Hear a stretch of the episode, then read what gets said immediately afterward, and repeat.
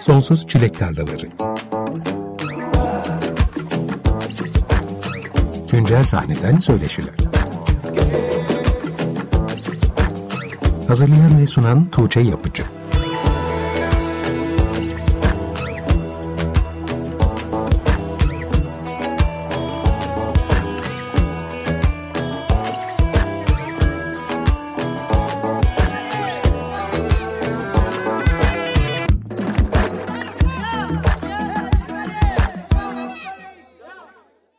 95.0 Açık Radyo'da Sonsuz Çilek Tarlaları programından herkese merhaba. Ben Tuğçe Yapıcı. Geçtiğimiz haftalarda müjdesini verdiğim bir albümden bir kayıt dinleyerek başladık programa. Korhan Futacı'nın 10 Eylül'de yayınlanan Shadowboxing albümünden The Jab adlı parçayla başladık. Tambura'da, Dandada'dan, Korhan Futacı ve Kara Orkestra ve Konstrukt gibi çok sayıda projeden tanıdığımız besteci, söz yazarı, saksafonist ve prodüktör Korhan Futacı bu akşam bizimle birlikte. Hoş geldin Korhan. Hoş bulduk, merhabalar. Nasılsın? Gayet iyiyim. Sen nasılsın? Ben de iyiyim, teşekkür ederim. Ağustos ayında ikişer parçalık The Jab ve The Lead Hook single'larıyla albüme dair fikir edinmeye başlamıştık. 10 Eylül'de de 6 parçalık Shadowboxing albümü dijital platformlardaki yerini aldı. Bu akşam albüm üzerine konuşacağız. Ayrıca yine kurucularından olduğun Construct projesinin de 27 Ağustos'ta Turkish Belly albüm yayınlandı. Ki bu albüm Thurston Moore'da gerçekleştirdiğiniz canlı kayıtlardan oluşuyor.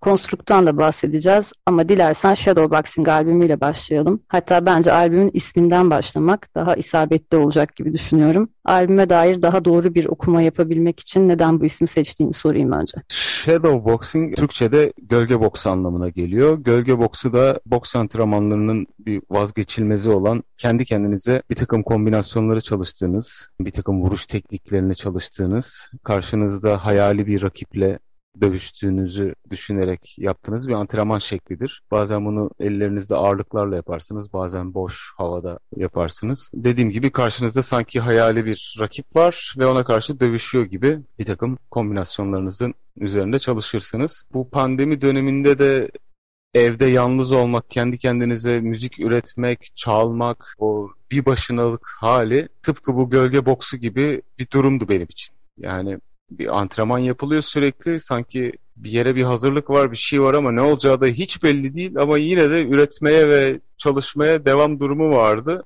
Bu albüm de tam böyle pandeminin de böyle yani o kapanmanın böyle en karanlık zamanlarında kaydedildi, yapıldı. Böyle Kasım, Aralık, Ocak falan da hem kış. İşte benim iki tane köpeğim var. Onları dışarı gezmeye çıkarttığımda hani bu kaotik acayip İstanbul'un bomboş halini görme şansını elde ettim ve bunu her gün yaşadım. Ve bütün o yalnızlık hissi, tek başınalık hissi yüzünden de bu Shadow Boxing, gölge boksu ismini vermeyi de uygun gördüm. Parçaların isimleri de zaten 6 parça var albümde. Her biri bir vuruş tekniğine denk geliyor. İşte The Jab, The Cross, işte hani bunlar işte sağ sol el, el ayrımına göre verilmiş isimlerdir boksta. Oradan geliyor bütün bu isimler. Cep nasıl bir vuruş? Programa da onunla başladık. Albümde açılış parçası o. Cep aslında boksun temelidir. Çünkü sol elinizi kullanırsınız cepte ve bir sol direktir aslında bunun Türkçedeki adı.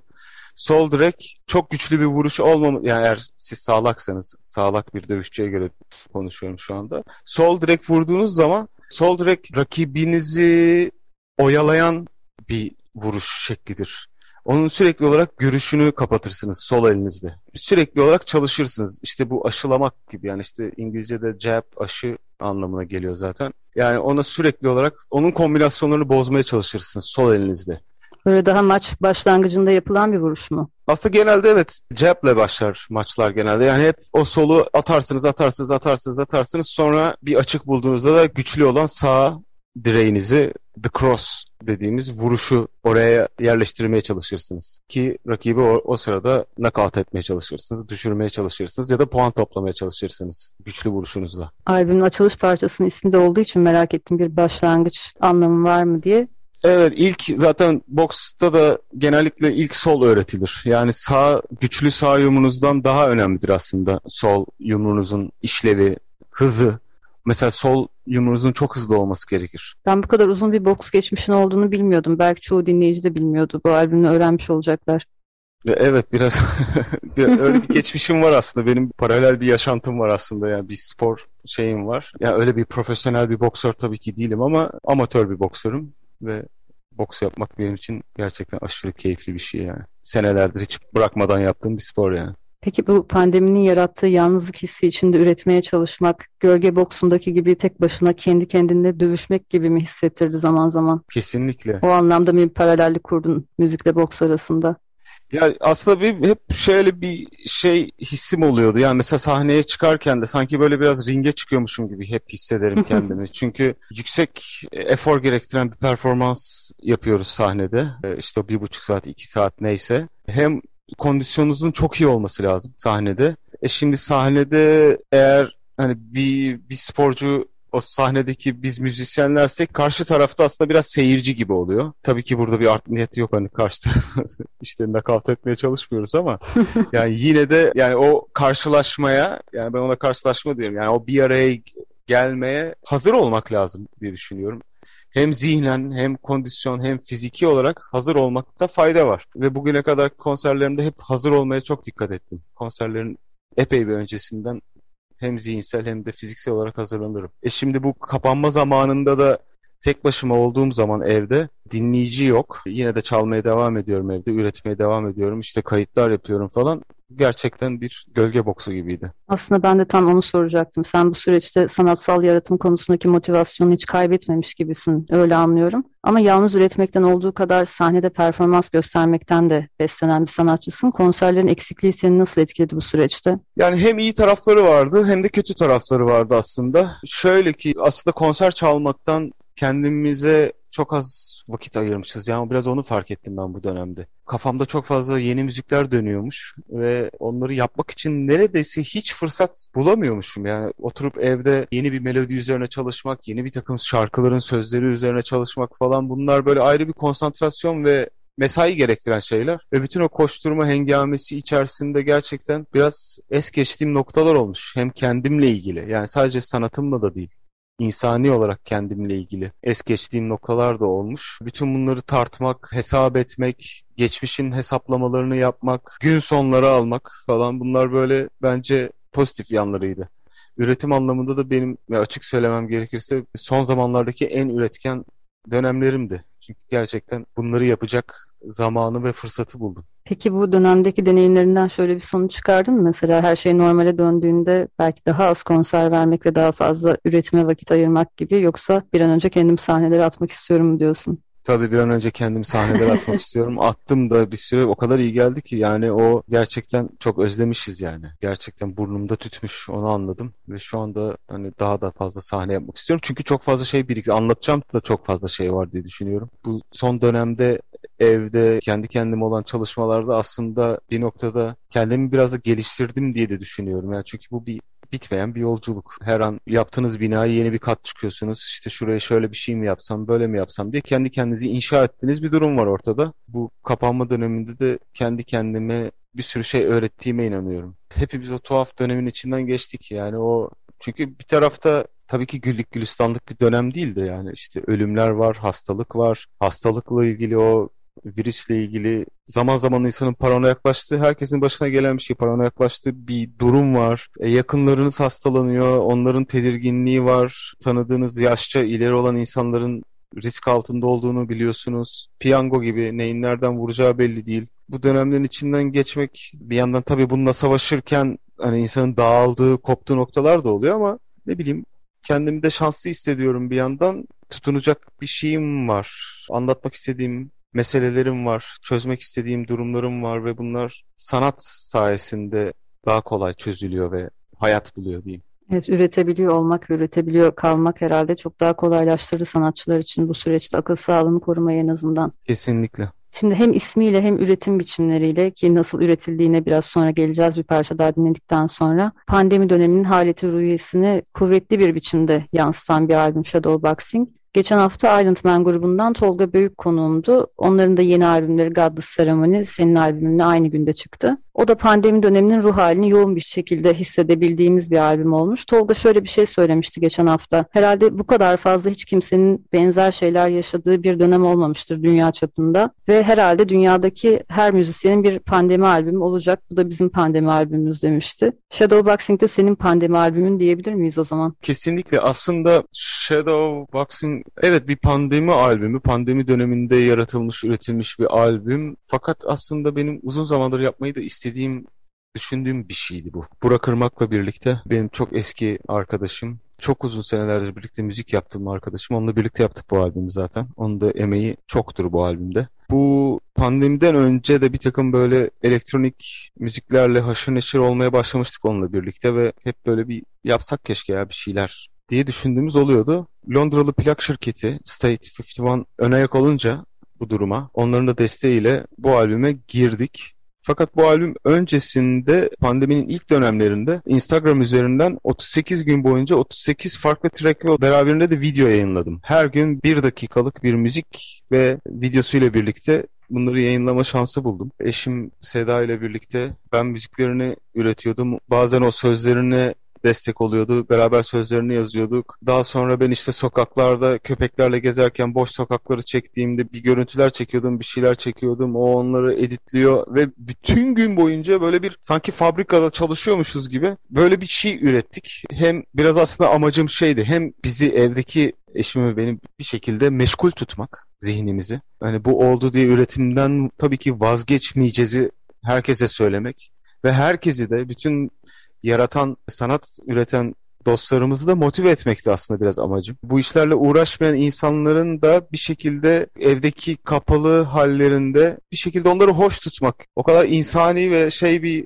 dönemdi ki o. 38 gün boyunca hiç ara vermeden bir şey üretip, bir şarkı yazıp, söz yazıp, müziğini yapıp, videosunu çekip yayınlamak böyle gerçekten şeydi yani o kadar acayip mesajlar, o kadar inanılmaz tepkiler geldi ki. O kadar mutlu olduk ki her gün vazgeçmeyi düşünüyorduk aslında. Yani ben böyle ilk bir, bir tane yaptım işte koydum onu. Birileri yazdı yani şu anki durumumuza, derdimize o kadar tercüman oldu ki bu yaptığın şey. Çok sevdik falan dediler. E tamam yarın da bir tane yapayım bari falan diye böyle başladı. Sonra bir anda kendimizi onun içinde bulduk. Çünkü artık bazı günler çok yorgun da hissettiğim oluyordu yani böyle çünkü yorucu bir mesai. Bazı günler akşam 8 oluyor, 9 oluyor. Hiçbir şey yok. Yani yapmamışız. Yani böyle bütün gün evde yayılmışız. Tipik bir pandemi manzarası. İşte dizi seyredilmiş yemekler yenmiş, işte köpekler gezdirilmiş falan filan takılın internette takılmışız. Akşam 8-9 böyle muhabbet ederken ting oradan bir laf çıkıyor kendi aramızdaki muhabbetten. Ya bak burada böyle bir hikaye var ya. Acaba şöyle bir davul mu buraya? Acaba şöyle bir şey mi koysak falan? Dur Burak'ı bir arayayım o bir şey çalsın falan e, Ferine göndereyim o bas çalsın deyip e, buraya da şöyle bir söz söyledim ne diyorsun? Bak şöyle bir görüntü vardı elimizde onu kullanalım. Buradan bir video böyle böyle böyle böyle. Bazen mesela genellikle saat böyle gece 11-12'ler ya da 1 civarı falan yayınlıyordum. Bazen sabah 4-5'te yayınladım oluyordu. Yeter ki yayınlamış olayım hani diye. O günü boş geçmeyelim o günü boş geçmeyin diyor ve o sırada sürekli mesaj geliyor. Abi şarkı nerede? Şarkı nerede? Gelmedi, gelmedi, hala gelmedi. Bekliyoruz. Alıştı bekliyoruz. herkes artık. Tabii ben de onlara mesaj durun bekleyin geliyor falan filan diye böyle. Acayip bir dönemdi gerçekten. Sırf pandemiyi oradaki o 38-40 günle hatırlayacağım yani. Gerçekten çok acayip bir dönem. Hala da şu anda Instagram'da duruyor onlar. Evet onu diyecektim. Parçalar Instagram hesabında kaldı. Biraz aşağılara inerseniz bulabilirsiniz Korhan Fıtacı'nın Instagram hesabından. Evet. Ama bunları da bir albümde toplayıp dijital platformlarda yayınlama fikri de vardı sanırım. Var evet. Ya hatta biz Ferhin'le birlikte, Ferhin Kaya ile birlikte bunların mixlerine hiç dokunmadık özellikle. Yapıldığı günkü gibi kalsınlar dedik. O günün ruh hali ve hatasıyla, sevabıyla kalsınlar dedik. Ve öyle yayınlandıkları gibi birer dakikalık halleriyle mi olacaklar platformlarda da? Aynen öyle. Aynen öyle. Birer dakikalık halde hiç uzatma şeyimiz de olmadı. Ve sadece bir mastering'den geçirdik hepsini ki ses seviyeleri birbirleriyle ilişkili ve dengeli olsunlar diye. Fakat şöyle bir durum var. Tabii orada ürettiğim bazı şarkılar, bazı trackler benim için gerçekten çok kıymetli oldular. Müzikal anlamda da, söz manasında da, içerik olarak da. Bu yakın zamanda yayınlayacağım bir 9 şarkılık yeni bir albüm var. Sözlü şarkılardan oluşuyor. Mesela oraya giren şarkılar var. Öyle mi? Senin için de biraz günlük gibi oldu herhalde bu. Evet. O dönemin bir günlüğü. Skeçlerim gibi oldu, eskizlerim gibi oldu ve bunu herkesle paylaştım hani açık açık. Yani bugün bunu yapabildim. Buyurun dinleyin. Hala da açıp açıp dinlediğim oradan trackler var. Şimdi Korhan birazdan Shadowboxing'den tabii ki biraz daha bahsedeceğiz. Derinlerine ineceğiz albümün. Ama şimdi albümden bir parça daha dinleyelim istiyorum. The Cross dinleyelim. Bu parçaya dair söylemek istediğim bir şey var mı dinleyenlere? The Cross bu albümün tek böyle sözü olan parçası. Fakat bunda böyle çok söz söz bir şey gibi kullanmadım. Biraz daha efektif manada bir sözler yazmıştım buna. Yine işte düzenlemeler Burak Irmak'la ikimizin mix ve mastering Ferrin Kaya'nın böyle bir ekibin ürünüdür bu iş. Peki o zaman şimdi Korhan Futacı'nın Shadowboxing albümünden The Cross parçasını dinleyelim. Ardından kendisiyle sohbetimize devam edeceğiz. 95.0 Açık Radyo'da Sonsuz Çilek Tarlaları programı devam ediyor. Korhan Futacı'dan The Cross dinledik. Korhan Shadowboxing albümünden The Jab parçası programın başında dinlediğimiz parçaydı. Parçanın videosu Ağustos ayında yayınlandı. Albümünde ilk klibi oluyor ve karantina günlerinde İstanbul sokaklarında çektiğin görüntülerden oluşuyor klip. İlk bölümde de biraz bahsetmiştin aslında köpekleri gezdirirken bir takım çekimler yaptığından. Karantina günlerinde İstanbul'da yaptığın yürüyüşler sana neler düşündürüyordu ve bu düşünceler albümü de beslemiştir herhalde. Yani klipte gördüğümüz görüntüler aslında albümdeki müzikal dünyanın oluşumunda etkili olan sahneler mi senin için? Kesinlikle öyle. Bir de özellikle birbiriyle uyum içinde olmalarını çok istedim. Açıkçası zaten o dönemde çekseniz o boşluğu çekiyorsunuz yani boş şehri çekiyorsunuz. Daha önce bahsettiğim Radyo Karantina yani Instagram'da yayınladığım serinin içindeki görüntüler de öyle hep. Bu dönem yaşandı. Bunları yaşadık. Bunları gözlemledik. Bunlar da sanatımızın içine nüfuz etmiş durumlar pandeminin etkilerini albümün üretim aşamasında ve hatta elektronik müziğin işin içine bu kadar fazla dahil olmasında da görebiliyoruz. Eldeki imkanların kısıtlılığı, evde yalnız olmak, başka müzisyenlerle kolayca bir araya gelememek, albümün sound'unu belirleyen başat faktörler olmuş sanırım. Albümün yapımcılığını Burak Irmak'la birlikte üstlenmişsiniz. Onunla nasıl bir çalışma süreciniz oldu? Çoğunlukla uzaktan mı çalıştınız? Bazı zamanlar uzaktan çalıştık ama yani uzaktan dediğim biz zaten komşuyuz Burak'la. Neredeyse yan binada oturuyor gibi bir şey yani çok yakınız birbirimize. O dönemde yani o bana gelip gidiyordu. Bazen evde üzerine bir takım çalışmalar yapıyordu bana gönderiyordu. Bak böyle bir şey ekledim ne diyorsun diye. Bazen öyle online çalıştığımız da oldu. Ama işin köklerini temelini hep bir aradayken attık diyebilirim. Bir yöntem keşfettik aslında bu albümü yaparken. Biraz onun üzerine eğildik. Biraz onun üzerine gitmek istedik. Burak keyboard'un kendisinden harika davul çalıyor. Onun da videoları var YouTube'da bu arada. izlemek isteyen olursa gerçekten tavsiye ederim. İnanılmaz işler yapıyor. Mesela bir fikri buluyorduk parçayla ilgili. O bir davul line'ı çalıyordu keyboard üzerinden. Bayağı bildiğiniz davulcu gibi çalıyor oradan. Elektronik seslerle tabii. Daha sonra davulun her bir parçasına biz birer ses eşledik. Atıyorum kick davuluna vurduğu zaman, en kalın davula vurduğu zaman bas bir nota veriyor. Trampete vurduğu zaman bas başka bir nota veriyor. Hi-hat ziline vurduğu zaman synth başka bir nota veriyor falan gibi böyle aslında orada onun çaldığı davulun üzerine bütün armonizasyonu oluşturmuş olduk. Kendiliğinden bir bir aura oluştu, bir atmosfer oluştu armonik olarak. Bir de özellikle çok da fazla şey kullanmamaya çalıştık. Harmoniyi destekleyecek akor çalmak falan gibi şeylere çok fazla girmedik özellikle. Bütün melodik yapılar, melodik sesler, tek başına çalan tek ses melodiler birleşip bir harmoni oluştursun istedik. Biraz onunla da kafa patlattık. Ve tüm bu yapı da herhalde saksafon için sana daha geniş bir alan bırakmış. Evet, yani aslında işin özünde bütün bu yapılan şeyin üzerine benim saksafon çalmam ve özellikle neredeyse hiçbir melodi kullanmadık bir parça hariç. Şey iki parçada sadece beraber çalınan çok küçük melodiler var. Onun dışında tamamen doğaçlama çaldığım saksafonlar var. Özellikle de bütün albüm boyunca da soprano saksafon çaldım. Başka da bir saksafon türü kullanmadım. Soprano saksafon, saksafon ailesinin en küçüğü. Şimdi evde zaten bu işi produce ettiğimiz için tenor saksafon inanılmaz bir volüm çıkartıyor zaten. Yani yani böyle hani saatlerce şimdi komşulara da yazık. o, yani o tenor saksafonla ya da altı saksafonla o kadar işte saatlerce bir şeyin üzerine etüt yapmak, çalışmak falan benim için de çok yorucu. Diğer insanlar için mahalledeki diğer gerçi bazen camlar açık çalışıyorum. işte kayıt yapıyorum. Bitiyor. Alkış sesleri geliyor yan komşulardan falan. Böyle kolektif bir yaş- yaşama. Evet ben de isterdim Korhan Futacı komşum olsun. O yüzden de soprano saksafonu tercih ettim. Hem volüm olarak biraz daha böyle usturuplu bir sesi var. Hem de çok uzun zamandır çaldığım bir enstrüman. Çok fazla kayıtta da çalma şansım olmadı açıkçası. Çünkü volümü diğer enstrümanlara göre bir tık daha düşük olduğu için biz de biraz böyle fazla gürültülü çalan bir grubuz.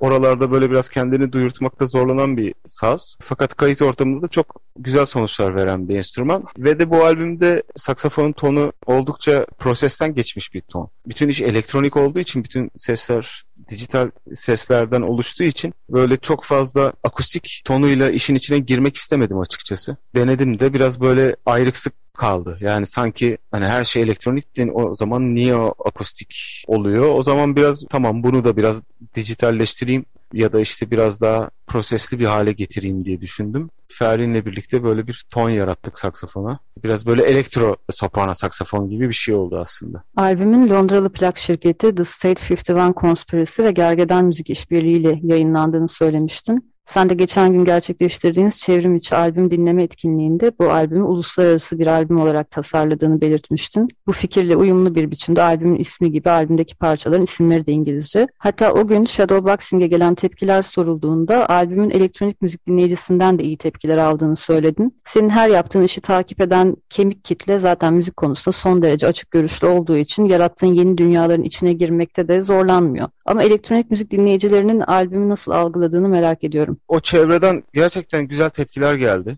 Çünkü bildiğimiz elektronik müzik normlarının biraz dışında bir albüm oldu. Bir şey yaparken onun uç noktalarını görmekten her zaman hoşlanıyorum. Yani bu elimde değil. Ne kadar derine inersem o kadar keyif alıyorum bir işle uğraşırken. Burada da işte bir takım durumları zorladık yani. Belki de bulduğumuz yöntemler, çıkarttığımız sesler, işte mixinden falanına filanına biraz daha böyle farklı tınlasın istedik. O noktada da böyle çok güvendiğim, yaptıkları işleri çok sevdiğim bir takım elektronik müzik sanatçılarından da gerçekten böyle beni çok mutlu edecek güzel yorumlar aldık. Peki şimdi aklımda bir soru var tabii ki sormazsam olmaz. Korhan Futacı ve Kara Orkestra projesi devam edecek mi yoksa bundan sonra solo projende mi göreceğiz seni Yani aslında Korhan Futacı ve Kara Orkestra da bir solo projeydi aslında işin özünde. Yani o benim solo projeme verdiğim isimdi. Fakat şimdi ne bileyim biraz daha kolay söylensin falan işte çok da uzun olmasın böyle bir takım posterlerde falan biraz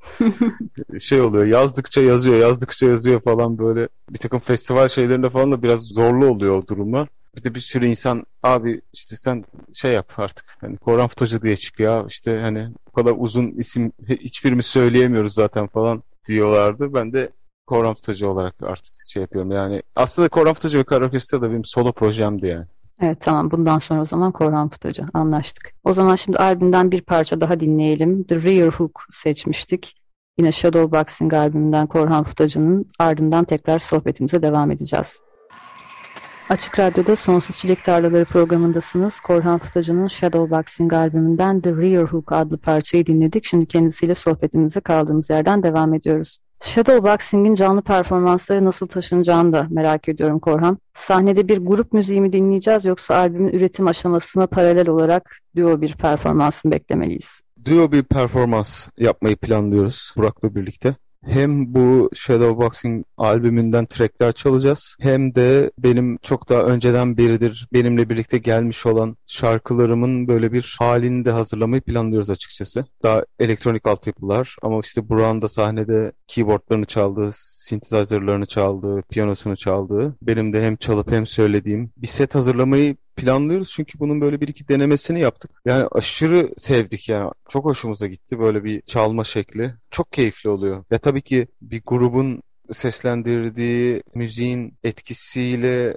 kıyaslayamam. Yani tamamen başka durumlar. Yani o canlı grubun yeri bende çok başkadır yani. O hiçbir şeye değişemem ama bu yapacağımız şey de bir taraftan böyle bambaşka olasılıklar sunuyor bize. Belki de sahnede canlı olarak yani grupla performa ettiğimiz şeyde hiçbir zaman çıkartamayacağımız bir takım sesleri çıkartma olanağını sağlıyor bize. O anlamda da biraz heyecan verici aslında. Peki yakın zamanda izler miyiz böyle bir performans yoksa biraz beklememiz mi gerekecek? Aslında ufak ufak çalışmaya başladık bile. Bir takım kayıtlar ve altyapılar şeyler hazırladık. Yani bununla ilgili bir konser takvimi yerleştirmeyi planlıyoruz aslında. Ki bizi biraz kamçılasın da oturalım çalışalım ve setimizi hazır edelim diye. Sanırım bir konser tarihi yerleştireceğiz ve ona göre de bunu hazırlayacağız. Geçen günkü söyleşte şöyle bir şey demiştin, dikkatimi çekti. Keşke müzisyenler sürekli Spotify'da yeni kayıtlar yayınlamaktansa canlı performanslar üzerine daha fazla çalışsalar demiştin. Güçlü bir canlı performans sunmak sence neden kayıt yayınlamaktan daha önemli? Yani adı üstünde kayıt yani bu. Kayıt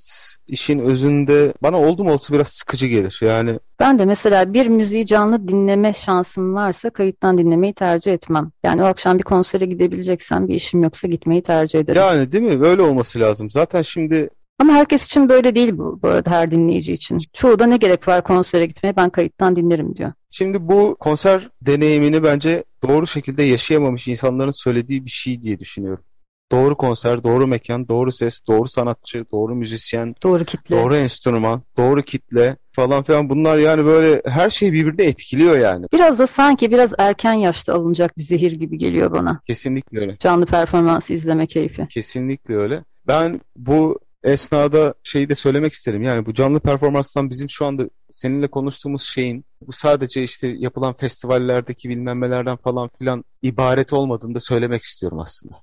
Yani bir adamın köyde yan komşusunun çaldığı bağlamayı dinleyip onun şarkı söylemesini dinlemek bir canlı performans seyretmektir ve de çok kıymetlidir. İyiyse bir de hele çalan ustaysa işinde bence müthiş bir şeydir. Yani bu illa müthiş paralar verip konser salonlarına gidip festivallere gidip çok büyük ses sistemlerinde falanlı filanlı ortamların içine girip zorlanarak biraz da hatta o konseri seyretmek olmayabilir. Bence bunda bir hemfikir olmak isterim ben herkesle. Bir de zaten bu şimdi e, Spotify'dır, kayıttır falan bunlar bence biraz derin konular. Yani biraz uzun uzadıya konuşulacak şeyler diye düşünüyorum. Ama şöyle bir kısaca kafamdakileri biraz dökmek isterim aslında. Ben de duymak isterim.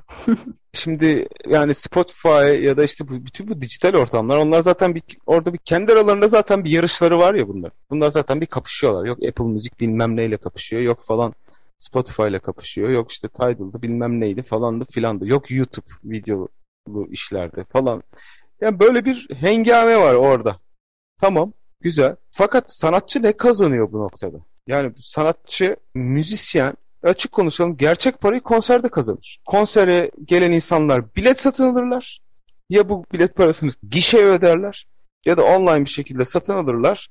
O bir yerde birikir. Bu konser günü sanatçıya konserden sonra teslim edilir bu para. Kaç kişiye konser verdiysen o kadarlık para kazanırsın. Ya bu o kadar basit bir şey ki yani.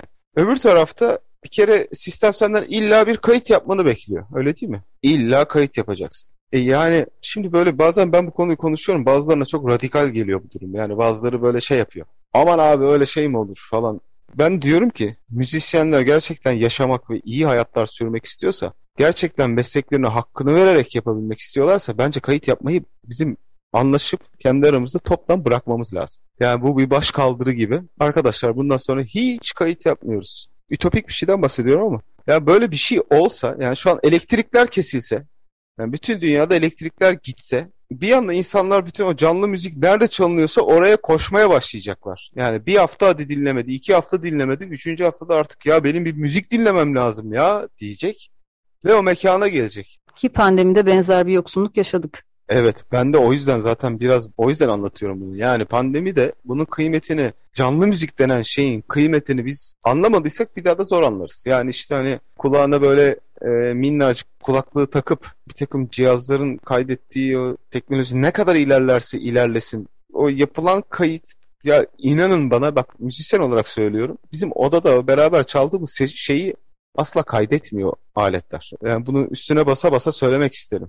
Yani onun bir iki boyutlu böyle garip bir halini kaydediyor o bilgisayarlar, mikrofonlar falanlar işte milyon dolarlık ekipmanlar garip bir halini kaydediyor. Çünkü orada aslında müzisyenler birlikte çaldıkları zaman olan şeyin sadece kulakla duyulan bir şey değil o. Orada başka bence bir takım kimyasal reaksiyonlar falan oluşuyor. Bir şeyler oluyor. Bilmiyorum ne olduğunu artık bu kuantum mudur nedir hani falan filan artık bir şeyler oluyor orada yani. Aslında hem tüm bedeninle hem de tüm varoluşunla yaşadığın bir deneyim oluyor. Kesinlikle çok daha spiritüel bir deneyim.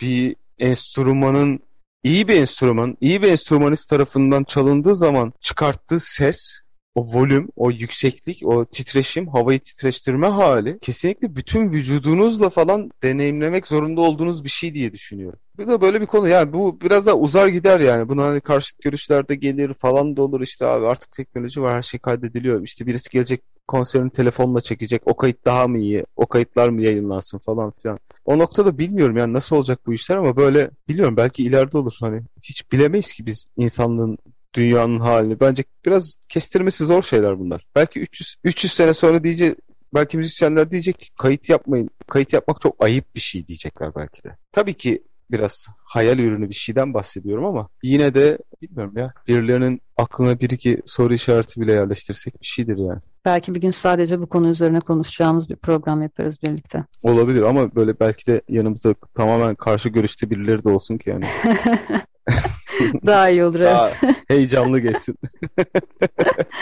Şimdi birazdan bir Construct parçası dinleyeceğiz. Construct'un yeni albümü Turkish Belly 27 Ağustos'ta yayınlandı. Bu albüm hem Sonic Youth'tan hem de 1995 senesinden beri solo çalışmalarıyla da tanıdığımız gitarist Thurston Moore'la yaptığınız canlı kayıtlardan oluşuyor. Hatta sanırım 2020 başındaki salon konserinin kayıtları değil mi bunlar? Evet, aynen öyle. Construct 2008'den beri aktif bir proje ve bugüne kadar çok sayıda albüm yayınladınız. Bunların arasında konser kayıtları da var. Daha önce de çok sayıda müzisyenle ortak çalışmalar yapmıştınız. Ama Thurston Moore'la tanışıklığınız nasıl gelişti? Birlikte bir konser verme fikri nasıl ortaya çıktı merak ediyorum. Bu aslında Thurston'la ikinci konserimizde İstanbul'da çaldığımız. Onun öncesinde sanırım İstanbul 74'ün bir organizasyonu vardı böyle workshoplar ve işte bir takım söyleşiler falan düzenlediği bir organizasyon vardı. Bir hikayesi var aslında. Yani İstanbul 74 Thurston Moore'u getirmek istiyor bu performans için. Fakat bütün ekibiyle de gelemiyor. Onlar da soruyorlar hani birileriyle çalmak ister misin buradan İstanbul'dan? O da diyor ki ben Construct'la çalmak isterim. Ondan önce bir tanışıklığımız yok. Bu kendisi keşfetmiş. Evet. Yani ama zaten bu free jazz yani özgür doğaçlama camiası küçük bir camiası bütün dünyada. Ben mesela şu an Japonya'daki durumları da biliyorum. Finlandiya'daki free jazz çalan tayfayı da biliyorum. Amerika'dakileri de biliyorum falan. Yani onlar da bizi biliyorlar gibi bir durum var. Yani belli bir seviyenin üzerine çıkmış sanatçılar, müzisyenler biraz birbirlerinden haberdarlar ve ne yaptıklarını biliyorlar. Tabii o noktada İstanbul 74 bizi bilmiyor. Onlar da hani konstrukt ne diye soruyorlar. Hani o, o da işte İstanbul'da bir grup ben onlarla çalmayı çok istiyorum diyor.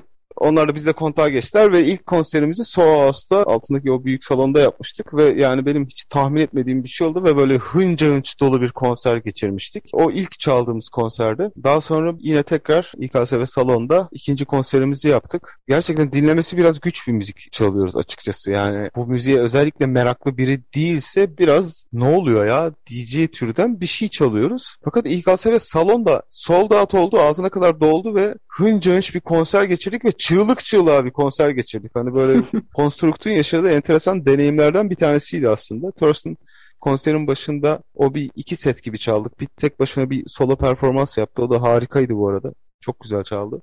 Sonrasında beraber bir performans yaptık. Evet oradan o konserde kaydettik ve oradan bir albüm yayınlandı. Albümde çok uzun parçalar var ama bugün Korhan Fıtacı ile daha uzun sohbet edebilmek için albümdeki en kısa parçayı seçtik. Şimdi Construct'un Turkish Belly albümünden Kurt Adam Part 1 parçasını dinleyeceğiz. Ardından tekrar sohbetimize devam edeceğiz.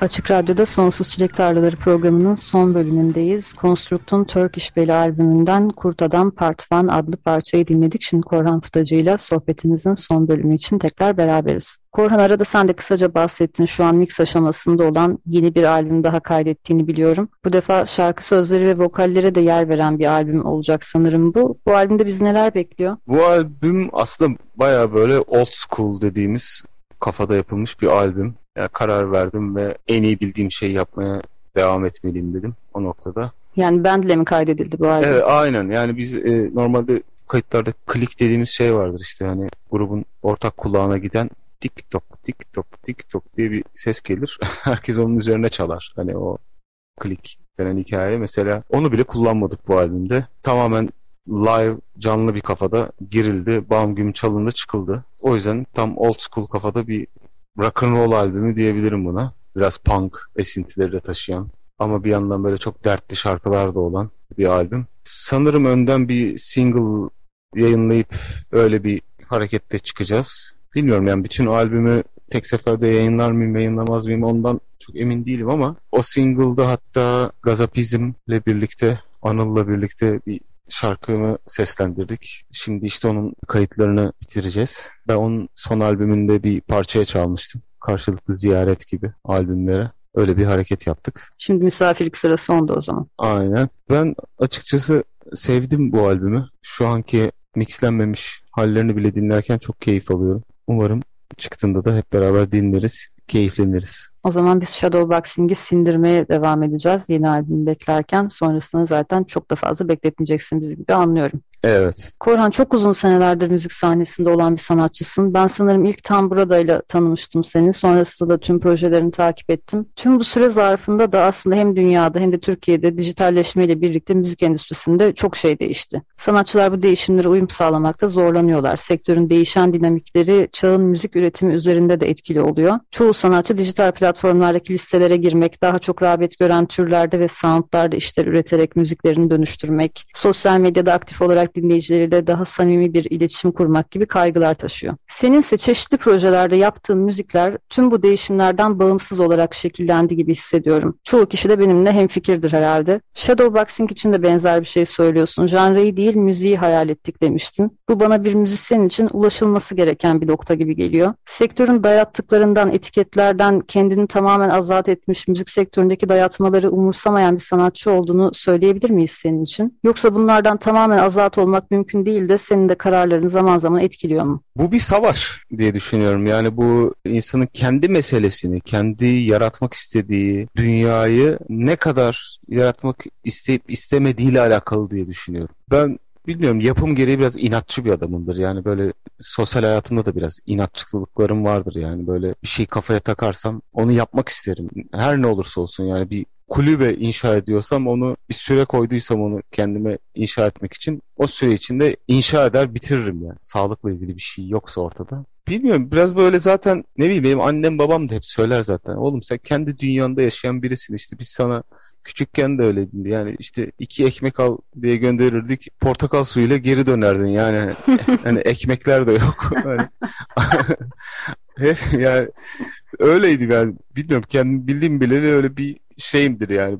Etrafımda olup biten şeyleri de böyle şeylere de çok politik tepkiler veremem yani politik cevaplar da veremem. Politik davranamam birçok noktada. Ya susarım ya da iş daha başka yerlere gider. O yüzden de açıkçası zaten bir kere gelmişim dünyaya diyorum. Yapmak istediğim bir şeyler var. O noktada onun söylediği, bunun söylediği, şunun söylediği şey, onun dayattığı şey açıkçası çok da umurumda değil. Bir yolum var. Oradan yürümeye çalışıyorum kendi kendime. Düşsem de kalksam da o yol benim yolum. Orada adım adım ilerliyorum. Ve en önemli şey bundan keyif almak. Her anından bunun keyif almak. Yani keyif almıyorsam zaten işin içinde bir yanlışlık vardır diye seziyorum. O yanlışlığı da bulup çıkartmak, o problemi çözmek de benim eğlencelerimden bir tanesi aslında. Müzik yaptığın süre boyunca hep bu kendi yolunda, çizginde yürürken hem bu tavrınla hem de ürettiğin müziklerle hep müzisyenlere ilham kaynağı olduğunu biliyorum. Yeni nesilden pek çok sanatçı senin müziğinden etkilendiğini söyleşilerde zikrediyor. Bugüne kadar yaptığım söyleşilerde defalarca ismin geçmiştir.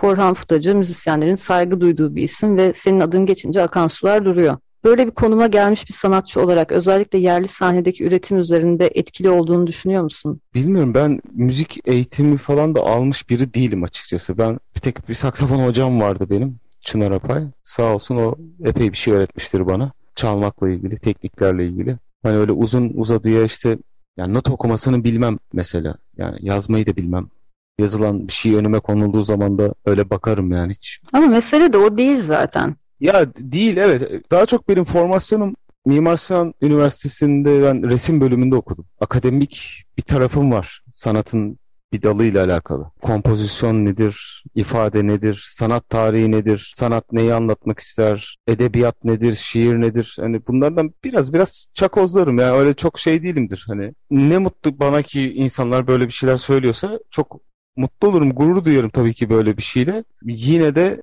tabii ki tek söylemek istediğim şey herkesin yolu kendi yoludur. Şey yapmakta fayda var yani biraz dik kafalı olup biraz inatçı olup kendi yarattığın yola sahip çıkıp hatasıyla sevabıyla onu kabul edip oradan yürümekte fayda var. Peki bu noktadan sonra seni ne tatmin edebilir onu merak ediyorum. Artık bu noktadan sonra şunu yapmak istiyorum dediğin şeyler var mı? Çok. Sonsuz ya. Bitmez ki o. O kadar çok şey yapmak istiyorum ki aslında. Yani böyle kafamda sürekli benim tilkiler dolaşır. Yani hiç uyuduklarını, dinlendiklerini de görmedim. Biraz yorucu da olsa. Bilmiyorum işte bir yandan resim yapıyorum. Mesela hep diyorum keşke daha fazla resim yapabiliyor olsam vakit bulup da işte keşke bir süre kapansam ve sadece resim yapsam dediğim zamanlar da oluyor. İşte benim eşim ressam ve heykeltıraş. Onun atölyesinde o çalışırken bazen ona asistanlık yapıyorum ben. Böyle boyalar artıyor, bir şeyler oluyor. Mesela bir tuval bezi artıyor bir şey. Hemen kenarda böyle misafirliğe gelmiş çocuk gibi ona bir şeyler çiziyorum. Ben de karalıyorum falan. Ee, onun dışında müzikal olarak da gerçekten yapmayı istediğim çok fazla şey var. Çok böyle ayrıksı şeyler değil bahsettiğim şeyler. Yani böyle şu an yaptığım şeyden böyle çok zıt,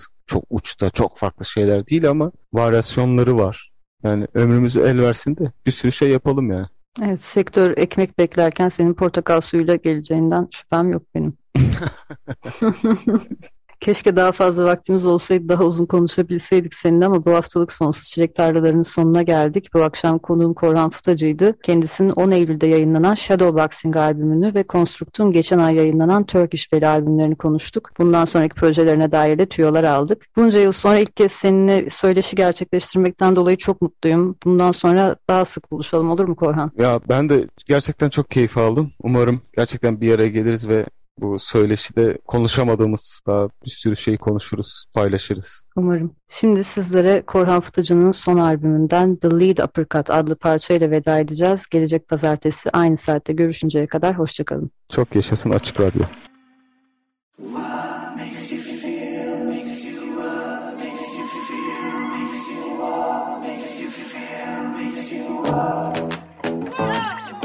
Sonsuz Çilek Tarlaları Güncel sahneden söyleşiler. Hazırlayan ve sunan Tuğçe Yapıcı.